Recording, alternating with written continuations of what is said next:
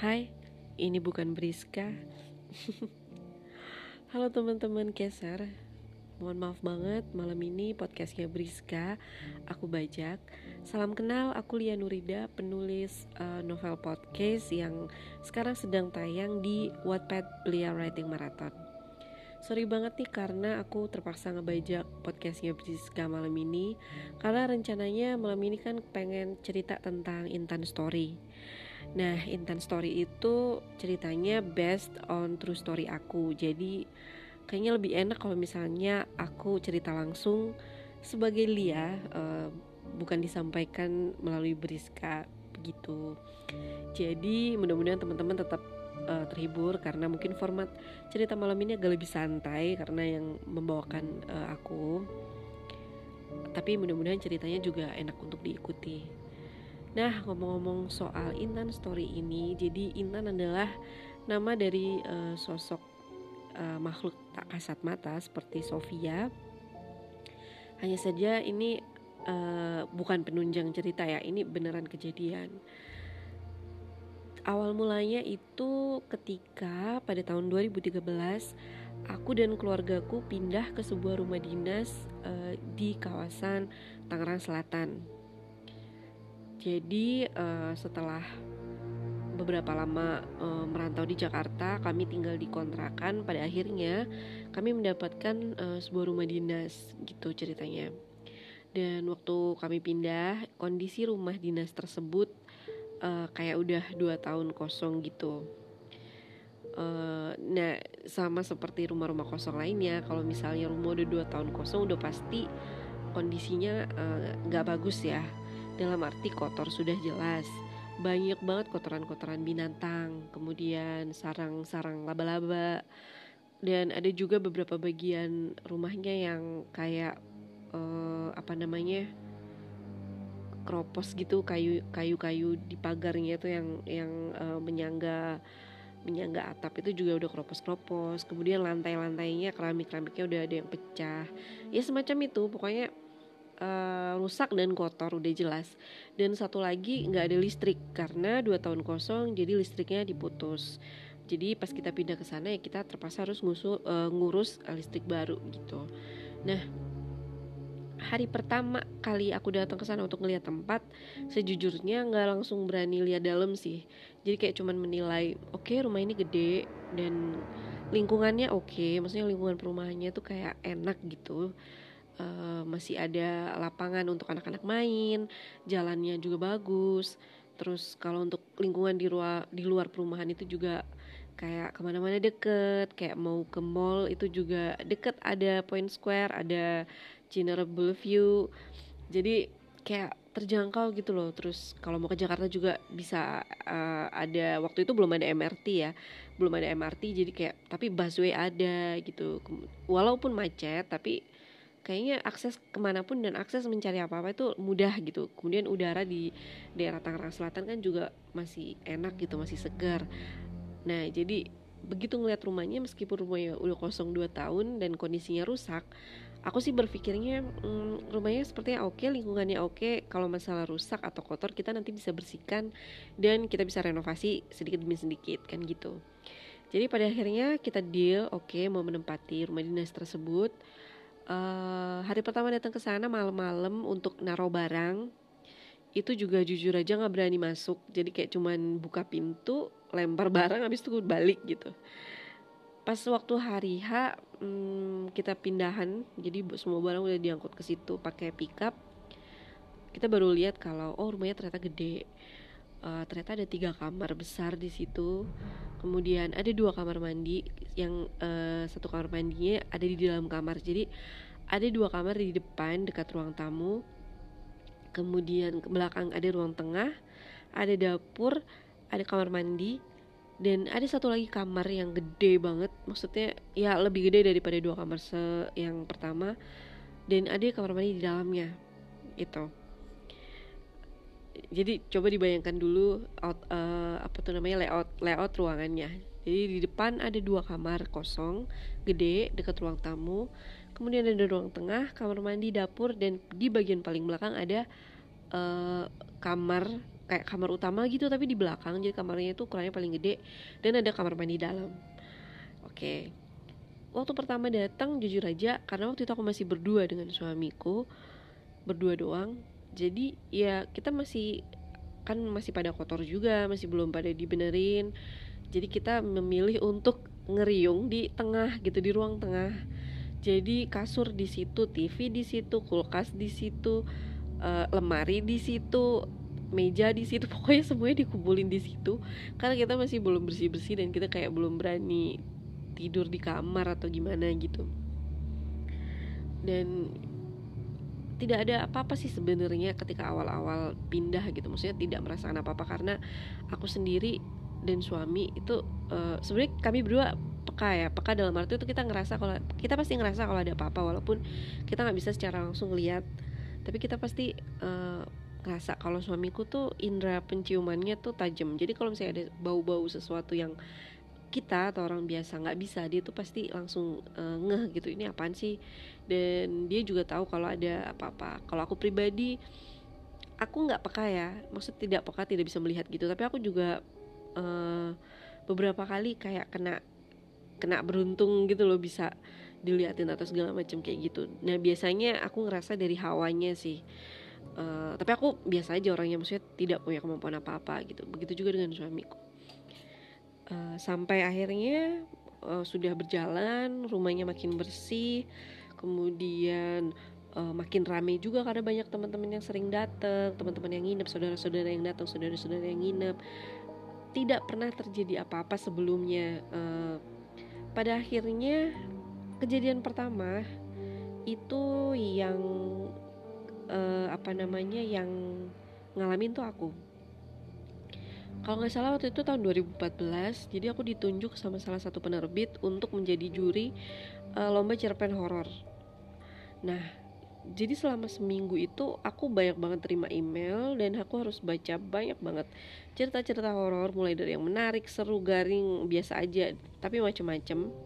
Ditambah aku juga suka banget nonton yang horor-horor gitu jadi baca yang horor-horor aku juga suka. Jadi kayak ibaratnya tuh aku justru malah nambahin buku penunjang untuk dibaca nonton untuk penunjang juga. Jadi biar apa ya sense uh, untuk ngejuriin cerpen horor mana yang bagus itu biar keluar gitu. Jadi selama sekitar seminggu penuh itu asupan horor itu full banget gitu.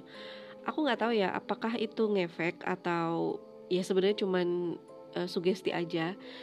Jadi yang aku inget waktu aku apa namanya udah kelar baca-baca gitu kayak nyicil baca cerpen ngejuri gitu uh, aku ketiduran dengan laptop masih nyala kayak gitu. Dan aku tidur di kamar depan. Waktu itu kita udah berani tuh nempatin kamar-kamar gitu. Maksudnya kamarnya difungsikan. Kamar ini untuk apa kamar ini untuk apa tuh udah udah. Jadi kayak seluruh ruangan di rumah itu udah udah difungsikan semuanya gitu.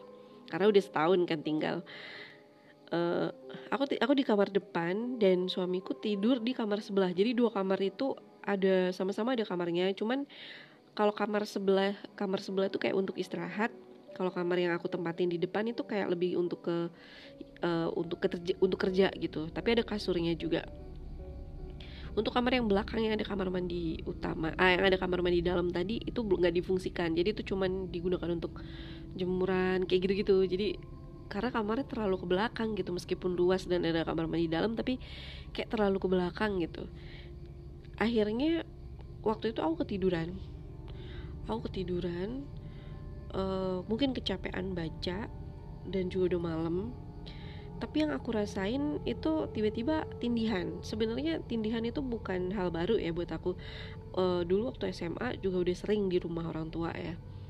Cuma saat itu tuh itu tuh udah yang kayak udah lama banget aku nggak tindihan. Jadi kayak ngerasa uh, apa ya istilahnya itu duh kok tindihan lagi sih? Gitu. Ada rasa kayak gitu. Karena aku pikir selama aku di Jakarta aku aman-aman aja. Dan baru baru sekali itu gitu. Waktu tindihan aku sadar. Setiap tindihan aku pasti sadar. Cuman aku nggak bisa gerak. Nggak bisa gerak nggak bisa ngomong kan pasti kayak gitu. Tapi pada akhirnya uh, karena karena aku ngerasa tindihannya ini lama terlalu lama gitu jadi aku uh, mencoba untuk uh, teriak gitu walaupun nggak ada yang keluar dari suaraku uh, ada suaraku yang keluar gitu. Dan uh, pinternya pinternya aku aku mencoba menggerakkan tangan. Jadi aku ngerasa kayak ada orang yang berdiri di atas pinggangku. Jadi ada dua kaki satu kaki yang satu kaki uh, berdiri di leher dan kaki satunya ada di pinggang. Tidurku kan miring miring ke tembok gitu Nah, pinternya tanganku aku raba-rabain gitu loh ke leher karena kan meluk guling ya, jadi tangan tuh kayak deket ke leher. Dan aku kayak mencoba meraba dan ke, aku kayak ngerasa aku nggak tahu ini ini ini nyata atau enggak tapi aku kayak ngerasa aku megang kakinya. Dan kakinya itu jarinya panjang-panjang ada tiga.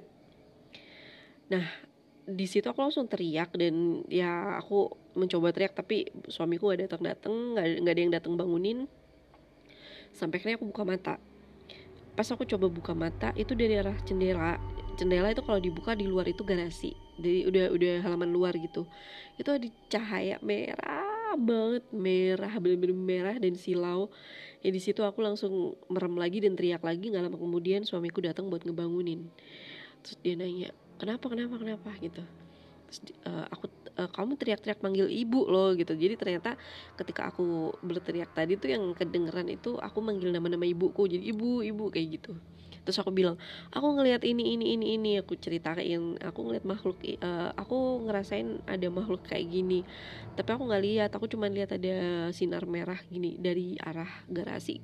Terus dia udah kamu terlalu banyak asupan horor deh kayaknya udahan deh gitu. Ya tapi mau nggak mau akhirnya kan penjurian harus tetap berjalan ya gitu. Jadi itu uh, itu cerita pertama sih yang kejadian di situ. Kalau yang setelah itu aku nggak ada lagi deh kayaknya. Setelah itu nggak lama dari situ mungkin sekitar 2015an atau apa uh, itu suamiku yang ngerasain. Jadi dia sendirian di rumah waktu itu aku lagi mudik. Dia lagi sendirian di rumah dan dia ada di kamar depan eh, tiba-tiba itu em handphonenya nyala sendiri nyalanya tuh langsung yang MP3 gitu loh yang musik apa uh, lagu gitu. Jadi bukan telepon atau apa gitu. Dan uh, terus ada kayak barang pecah atau apaan gitu di di dapur belakang.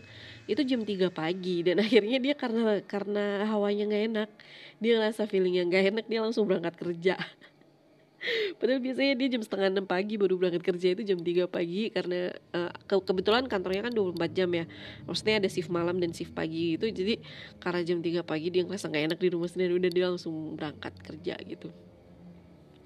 Nah, itu sih itu itu di awal-awal tahun ya baru kelihatan banget nih uh, yang pada akhirnya kita ketemu sama sosok Intan itu di tahun 2018 2018 akhir 2019 awalnya kita tuh nggak nggak jadi makin ke sini tuh penghuni rumahku tuh makin banyak. Ada adik-adik kayak gitu.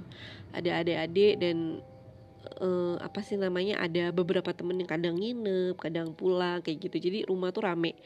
Apalagi rumahnya lumayan gede kamar juga banyak. Jadinya ya uh, apa sih namanya kita kayak los aja. Kalau misalnya ada orang mau nginep silakan. Bahkan waktu kompetisi GWP tahun 2017 itu pernah ada sekitar 20 orang ada kali penulis itu tidur di rumahku semua kalau misalnya kalian tahu ada ada Dwi Patra, ada Hanina Mire, ada uh, Mas Nara, Nara Lamusi yang penulis Factory Reset.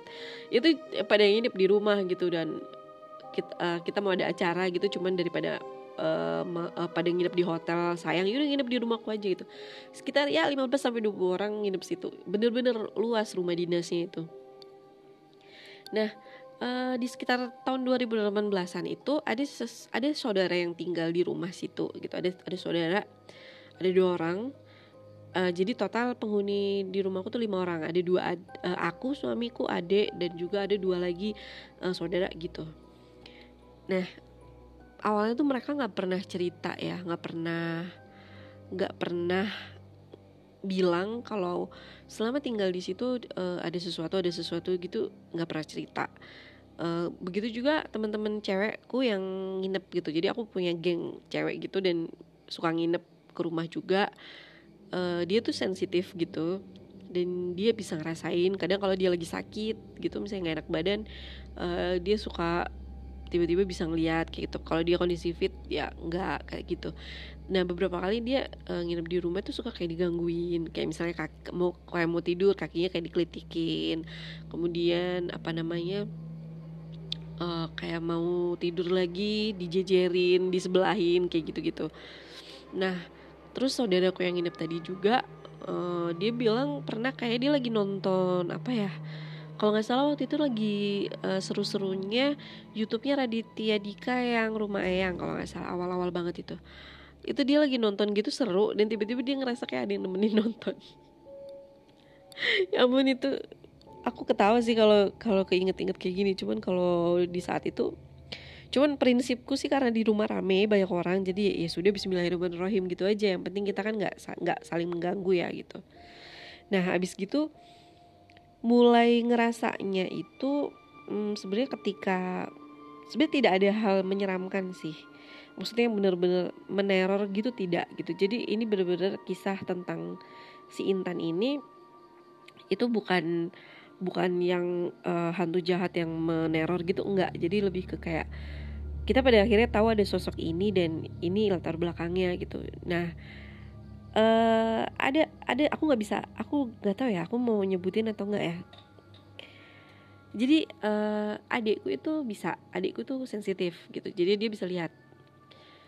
Uh, tahun 2020, 2018 pertengahan apa yang nggak salah dia itu tes uh, tes ke Jakarta tes uh, kuliah gitu di salah satu uh, kampus kedinasan dan dia karena tesnya itu berkali-kali jadi kayak tahap satu lolos tahap dua lolos kayak gitu. Itu uh, iya tahun 2018 pertengahan, pertengahan atau sebelum gitulah. Pokoknya uh, 2018 dia selama sebulan tinggal di situ. Karena dia sensitif. Jadi kita tuh iseng. Jadi selama tinggal 2013 sampai 2018 itu kita tinggal di situ walaupun kadang-kadang ngerasa kayak ini hawanya kok nggak enak atau apa. Kita nggak pernah kepo sama sekali cuman nggak tahu kenapa uh, apa namanya ketika adikku datang di situ ini adik ya adik kandung dia sebulan di situ kita jadi kepo. Yang tadinya nggak kepo kita jadi kepo kita jadi nanyain uh, di sini ada apa aja ya? Kayak gitu. Tapi kita nanyanya nggak berani di rumah. Kita nanyanya di luar rumah pas lagi makan di luar gitu. Terus uh, dia cerita. Jadi di sini di nah uh, flashback lagi balik lagi ke temanku cewek yang sering diganggu yang kakinya dikelitikin segala macam kalau dia tuh bilangnya gini aku rasa tuh ada sesuatu mbak di kamar belakang. Kamar yang luas yang ada kamar mandi dalamnya tuh di belakang. Kayak ada sesuatu di situ. Masalahnya aku nggak nggak terlalu jelas sih. Aku cuma lihatnya samar. Kalau misalnya pas aku lagi main ke sini uh, agak nggak enak badan gitu aku kayak baru baru bisa ngerasa gitu. Kayak cewek cuman dia suka ngiseng kayak nggak jahat cuman iseng kayak misalnya kritikin atau kayak gitu-gitu. Uh, terus si saudaraku tadi juga yang nonton ngerasa kayak ada nemenin itu juga ngerasa kayak cewek deh gitu kalau yang di belakang itu. Pokoknya semuanya bilang cewek cewek cewek cewek gitu. Nah ketika aku tanya adikku langsung dia bilang iya memang ada cewek itu di belakang.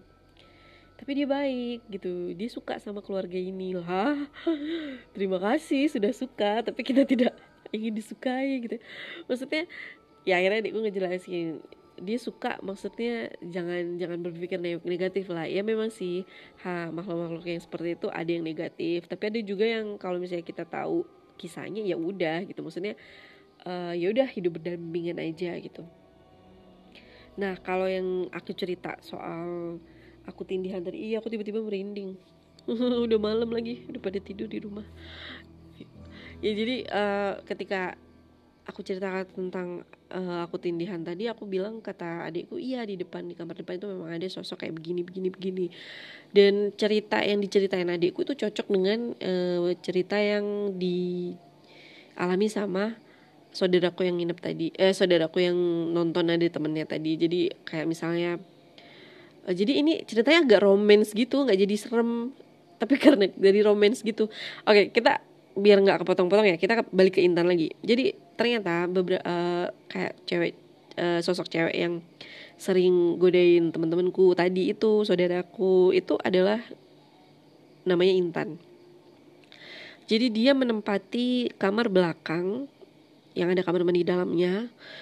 Uh, nah aku sama suamiku sempat menggunakan kamar itu jadi kamar utama tapi uh, kayak jadi kita cat habis itu kita bersihin bener-bener kita cat bersihin kasih karpet yang bagus. Pokoknya kita dandanin jadi kamar lah intinya biar kita betah juga di situ gitu. Karena kamar ada tiga kita tuh suka pindah-pindah gitu. Kadang kamar depan kadang kamar tengah kadang karena uh, merantau ya kan. Kita kan merantau bosen gitu.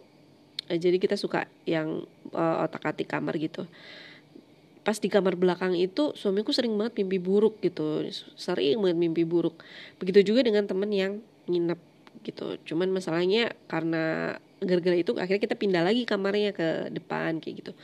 Nah kata adikku iya itu ada di belakang cewek. Tapi dia nggak jahat dia cuman kayak pengen eksis aja pengen ngajak main pengen kenalan kayak gitu. Tapi aku sama sekali nggak pernah digodain atau apa. Ya karena kamu yang punya rumah katanya gitu. Kalau masih kalau mas sorry aku nyebut masih. Suamiku maksudnya itu dia uh, apa namanya agak peka sedikit ngerti agak peka sedikit. Maksudnya bisa ngerasa ada apa apa jadi makanya kadang datang ke mimpi kayak gitu gitu oke okay, uh, eh, adikku ini bisa komunikasi dan bisa flashback ya. Jadi dia bisa tahu dari mana dari mananya gitu. Mungkin lain kali aku bakalan cerita lebih uh, lebih lengkap ya tentang adikku ini. Cuman kayaknya sekarang uh, apa namanya kita ngebahas tentang Intan aja.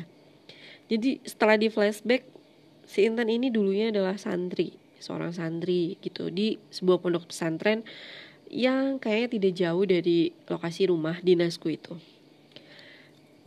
Dia itu sebenarnya bukan tipe yang uh, jahat sih tapi dia itu nggak punya temen.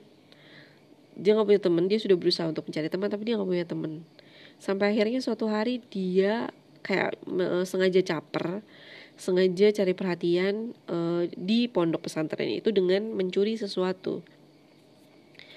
Uh, dan karena dia sengaja ya maksudnya untuk mencari perhatian banyak orang jadi dia mencuri itu dan kayak gampang banget uh, kayak bikin gampang banget ditangkap gitu loh. Jadi orang bisa langsung tahu oh uh, kamu nyuri ini gitu. Akhirnya dapat hukuman.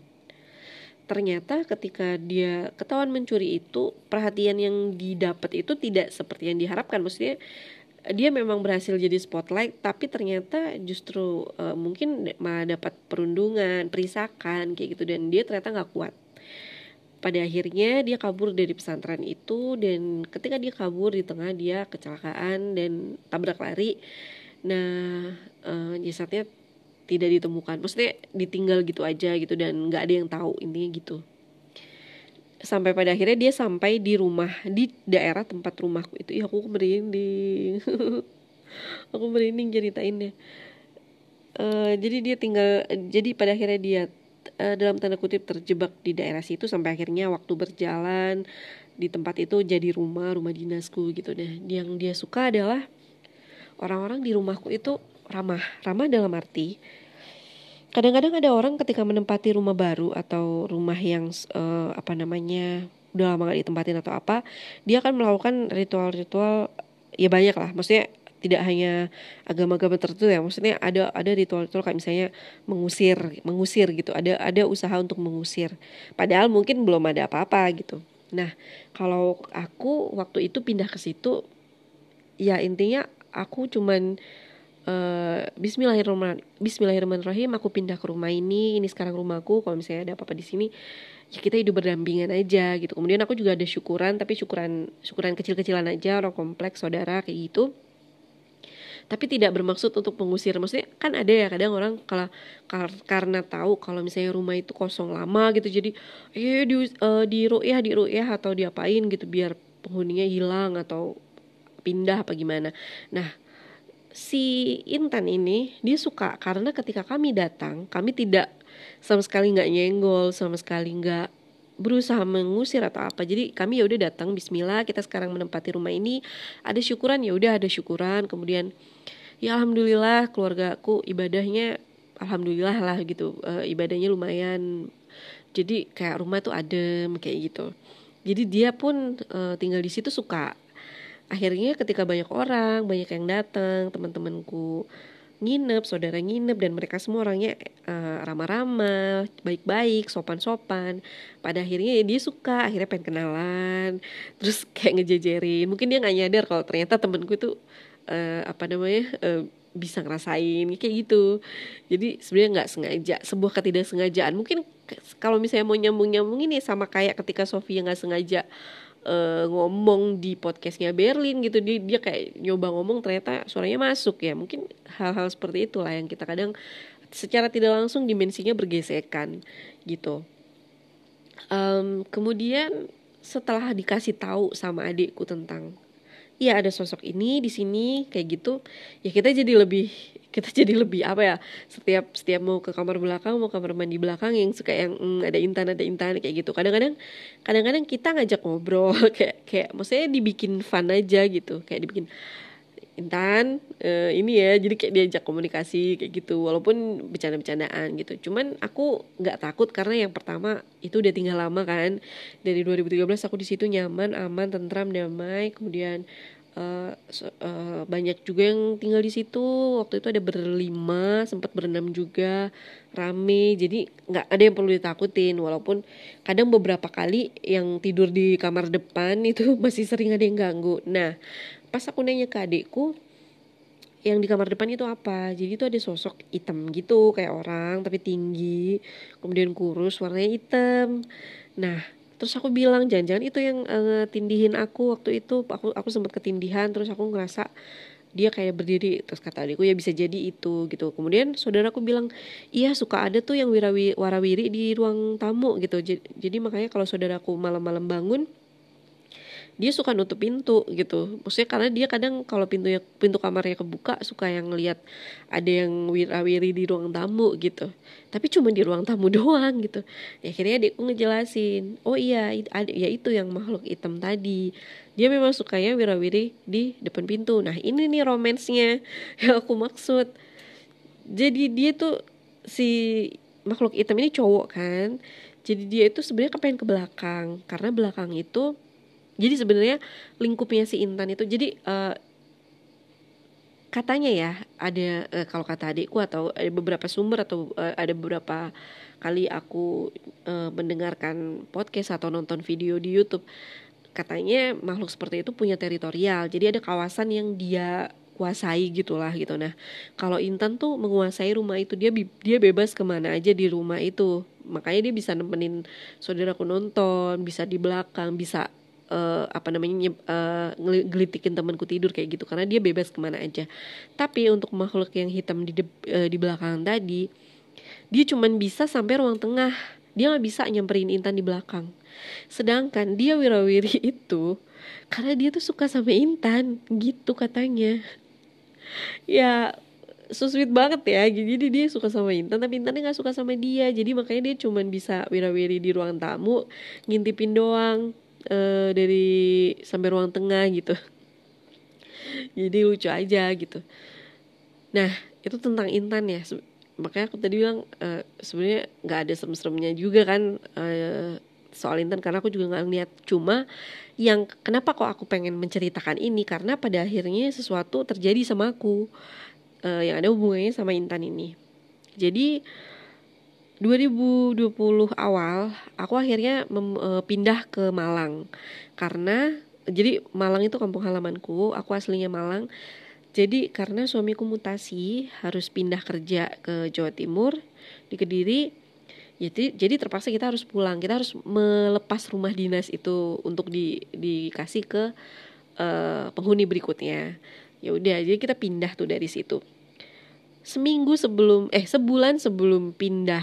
Sebulan sebelum pindah. Dan ini tuh kayak dua kali terjadi di tanggal yang hampir sama dan juga di waktu yang ya otomatis karena tanggalnya berulang sama jadi kejadiannya juga mirip gitu. Jadi aku pindah tuh bulan Februari. Januari dan Desember ini terjadi dua kali. Desember itu uh, adalah keputusan kita kita mau pindah sekeluarga oke kita mau pindah nih tapi kita pindahnya Januari ya eh Februari ya gitu. Jadi selama Desember Januari itu udah mulai persiapan packing kemudian ke, uh, nyiapin rumah yang di Malang kayak gitu-gitu tuh. Jadi memang sudah ada wacana pindah sejak Desember. Aku masih inget banget dan aku nge-tweetin soal ini kalau nggak salah. Uh, aku tweetin kalau misalnya ada yang follow twitterku ya tapi udah lama banget ya.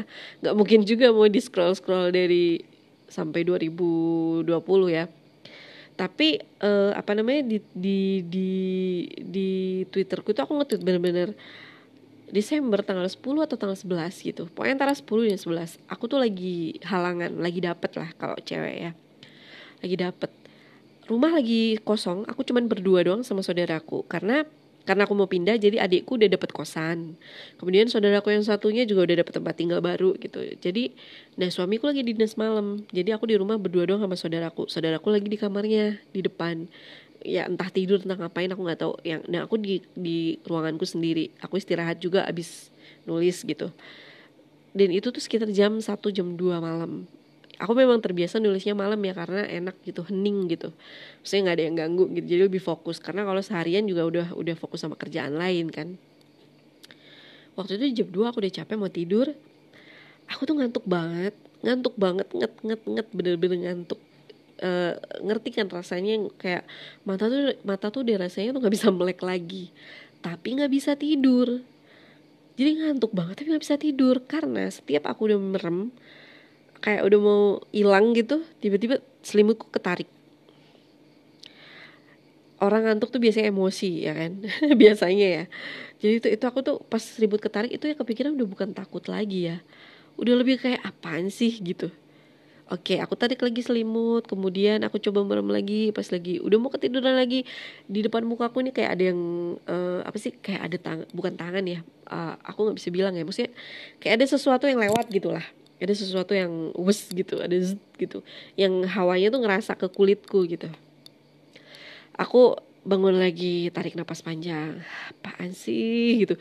Dia udah nggak takut. Itu itu levelnya udah nggak takut tapi uh, apa namanya uh, kesel gitu karena capek. Ih ada apaan sih di belakang? Oke, jadi uh, ini fun fact ya. Tadi malam sebenarnya aku udah record, cuman karena ada sesuatu jatuh gitu tiba-tiba di dapur aku jadi parno. Padahal mungkin tikus atau kucing atau apalah itu nggak tahu. Jadi malam ini aku tuntasin karena ya biar nggak ngulang-ngulang rekor aja. Walaupun sebenarnya barusan ada sesuatu juga.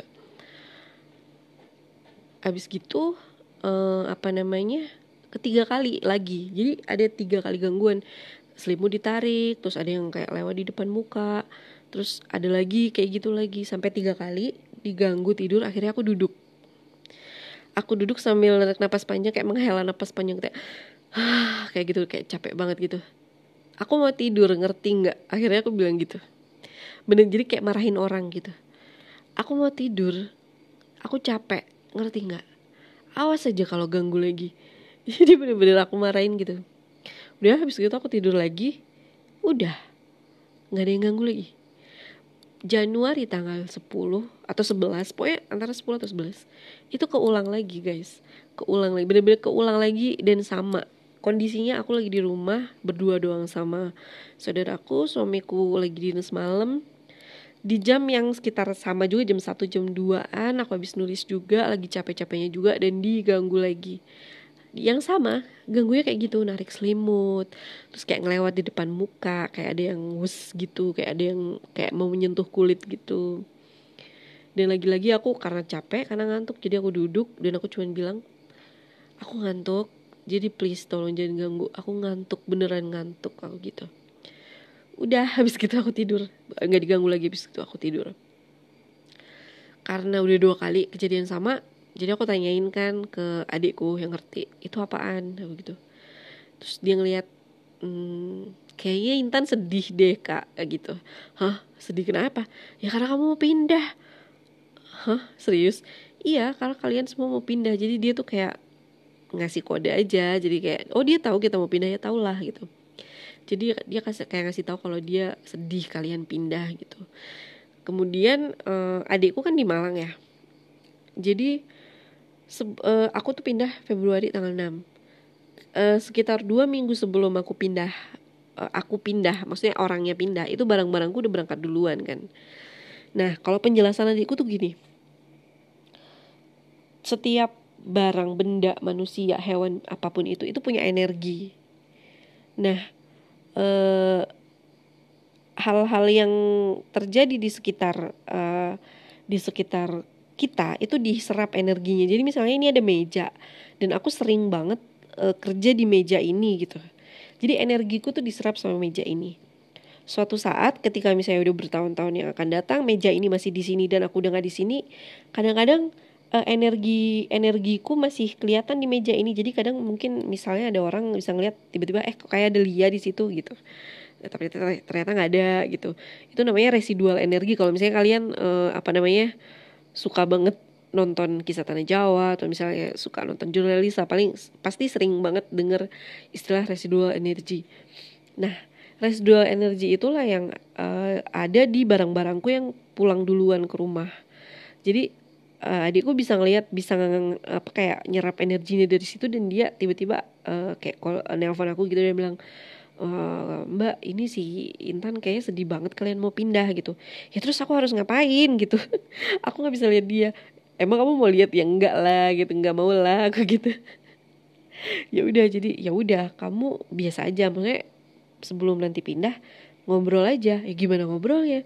Ya udah pokoknya sebelum kalian keluar dari rumah itu sebelum pindah ya bilang aja kayak pamit aja kayak mm, aku pindah ya gitu. Baik-baik di sini mudah-mudahan nanti dapat penghuni baru yang baik juga kayak aku. Jangan ganggu pokoknya hidup berdampingan. Kayak gitu aja gitu. Dan ya akhirnya itu yang aku lakukan. Jadi ketika kami pindah uh, ke Malang 6 Februari itu ya aku sambil ngeliatin rumah. Ya gimana ya dari 2013 sampai 2020 berarti udah hampir 7 tahun kan?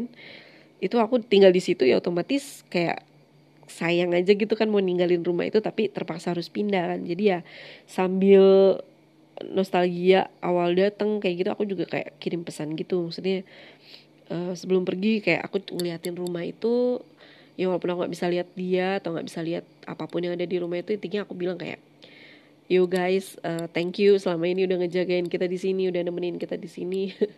Bener bener aku bener-bener ngomong kayak gitu. Ya biar nggak serem gitu. Jadi yang ngomongnya kayak pamit ke temen aja thank you. Selama ini udah ngejagain kita di sini udah nemenin kita di sini. Um, aku pamit dulu aku aku mau pindah. Lain kali kalau misalnya ada kesempatan aku main-main sini lagi. Mudah-mudahan uh, nanti next ada penghuni baru yang jauh lebih baik daripada kami. Ya kayak gitu gitu kalimat-kalimat pamit yang seolah-olah kita pamit sama temen gitu. Dan akhirnya kita pindah gitu. Nah hmm, apa ya sebenarnya ya walaupun aku nggak tahu ya uh, kalian yang denger gimana tapi aku pribadi ngerasa kayak ada ikatan gitu dengan si Intan ini. Walaupun secara tidak langsung aku nggak pernah lihat dan jangan sampai lihat juga sih aku nggak mau juga gitu. Cuman aku dari tadi cerita aku merinding. Ya ini gitu uh, kisah dari Intan Story. Uh, sebenarnya uh, pengalaman hororku tuh nggak terlalu banyak ada tapi tidak terlalu banyak dan itu juga nggak yang karena aku nggak peka atau nggak sensitif uh, bisa lihat gitu nggak. Tapi ya adalah banyak ada beberapa yang bisa diceritakan gitu. Nah tapi yang paling banyak banget ceritanya justru adikku karena dia yang uh, sensitif dia yang ngerti gitu. Mungkin kapan-kapan uh, aku bisa podcast sambil ngobrol-ngobrol sama adikku atau mungkin lain kali kita bahas cerita-cerita lain. Tapi uh, ntar dulu kalau misalnya sama Briska boleh dibajak lagi ya aku bajak tapi kalau enggak ya ya, intinya podcast ini tetap sama Briska buat menyediakan uh, cerita-cerita kisah-kisah horor kasus kriminal atau hal-hal misteri untuk teman-teman caser. Oke, karena udah setengah jam lebih dan juga udah makin malam. Sekarang aku rekamnya jam 11 lebih 5, udah menjelang tengah malam. Dan aku dari tadi udah merinding, udah terdengar bunyi-bunyi di luar karena rumahku di kampung ya. Jadi ada jangkrik dan ada ya maksudnya mungkin bunyi-bunyi hewan atau apa gitu. Cuman karena akunya parno jadi ya lebih baik kita akhiri di sini. Oke, terima kasih Kaiser sudah mendengarkan podcast uh, edisi episode 3 Intan Story kali ini. Kalau misalnya ada yang mau kepoin uh, ke Instagram aku di highlightnya ada Intan Story. Aku lupa waktu itu ceritanya gimana. Maksudnya kalau nggak salah aku pas lagi update-update-nya apa gitu aku update di story gitu deh terus aku taruh highlight. Kalian bisa cek di Lianurida ya Instagramku Lianurida di situ ada highlight tulisannya Intan Story uh, di situ mungkin ada versi yang lebih lebih up, lebih update lah ya waktu itu. Karena aku uh, on the spot nulisnya saat saat itu gitu. Kalau ini kan udah berjalan berapa tahun. Nah segini aja teman-teman. Thank you udah ngedengerin. Balik lagi minggu depan sama Briska. Kali ini aku bajak dulu. Terima kasih sudah baca podcast. Terima kasih sudah mendukung Cairo, Berlin dan juga Sofia. Mudah-mudahan makin ke belakang ceritanya makin seru. Dan teman-teman makin semangat buat uh, baca ceritanya Thank you banget uh, Aku Lia pamit. Dadah Assalamualaikum